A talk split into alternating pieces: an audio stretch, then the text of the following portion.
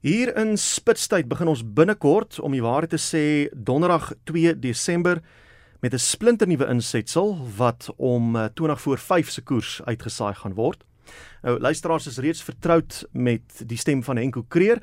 Hy doen vir ons die eh, finansiële verslae, die sake nuus om 05:30 en 06:30 elke weekdagmiddag en hy gaan hierdie insetsel vir ons behartig. Henko, welkom, lekker om met jou te gesels in Spitstyd. Baie dankie Willem, heerlik om hier te wees. Waarna kan ons uitsien? Wat behels hierdie nuwe insetsel waarna mense kan luister? Willem tydens my tyd by RSG het ek het my paai gekruis met soveel akteurs en sangers en vermaaklikheidskunstenaars in die breë wat na my toe gekom het en gesê het weet jy Henko voor Covid was ek 'n voltydse akteur of aktrise en 'n deeltydse beesboer. Mm. Maar na Covid is ek 'n voltydse beesboer en 'n deeltydse akteur of aktrise. En ek moes soveel eisters in die vuur hou tydens Covid om die pot aan die kook te hou. En hulle het na my toe gekom en gesê, "Mag ons asseblief onder ons as vermaaklikheidskunstenaars 'n netwerk en ondersteuningsnetwerk skep en ons stories met mekaar deel van hoe ons omgang met geld in ons alledaagse lewe."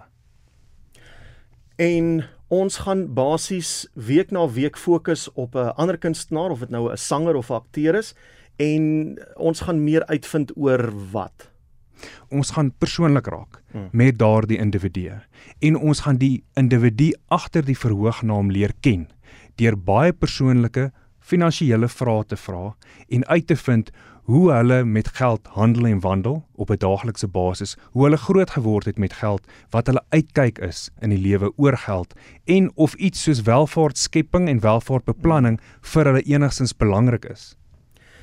Daar is sekere aspekte van 'n ou se lewe wat maar baie privaat is. Finansies is een van hulle. Hoe gaan jy mense kry om in te stem en oop te maak oor hulle geld sake? COVID het dit maak gebeur en dit het gemaak dat kunstenaars onder mekaar um 'n ondersteuning vir mekaar wil skep en nou openlik daaroor wil gesels. Hulle het ook vir my genoem dat hulle is nie noodwendig opgelei tydens hulle jare op universiteit hmm. of tegnikon oor hoe om met geld te werk nie en hoe om 'n finansiële beplanning te doen nie. En dit is 'n leemte. Hulle erken dit is 'n leemte in hulle opvoeding en daar is 'n behoefte selfs nou vir werkswinkels onder vermaaklikheidskunstenaars in die bedryf waar hulle bymekaar kan kom en kan 'n uh, 'n breinskrim kan hou oor hoe om met werk geld te werk veral na die moeilike tyd wat hulle het. Baie van hulle sê vir my dat 2020 was 'n moeilike jaar. Maar hulle sê ook hierdie afgelope jaar 2021 was nog moeiliker finansiëel gewys gewees. So hulle is baie positief vir 2022 20, maar hulle het mekaar nodig in hierdie bedryf en hulle maak hulle deure vir my oop om hierdie baie moeilike maar sensitiewe en persoonlike vrae aan hulle terug. Hoe meer ek na jou luister, hoe meer besef ek hoe belangrik is so 'n reeks want mense gesels met jong mense en jy vra vir hulle waarom wil jy sing? Waarom wil jy akteur word? Een van die eerste goed wat hulle so gereeld vir jou sê is ek wil famous wees, ek wil ryk word. Maar wat skuil agter daardie beroemdheid? En een van daai aspekte is geld sake. Dis wonderlik. Ek's bly jy wil famous wees om jou woorde te gebruik, maar besef jy die finansiële implikasies en ek dink 'n reeks soos hierdie gaan leiding kan gee daaroor. Ja Willem, ehm um, die die uitgangspunt uh, met hierdie program gaan wees om ook vir daardie hoërskool seun of dogter wat daar sit en net ehm um, dink daaraan om akteur of aktrise of professionele sportmens te word. Ehm um, dit gaan nie net oor die aanhang wat daarmee saamkom nie. Hmm. Uh die fame waarna jy vroeër verwys het nie.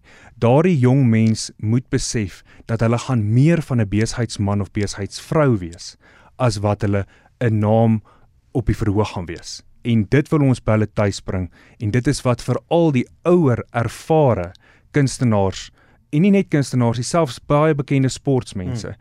wil tuisbring by die jonger generasie om vir hulle te sê begin vroeg, soos hulle sê, klein begin, groot gewin.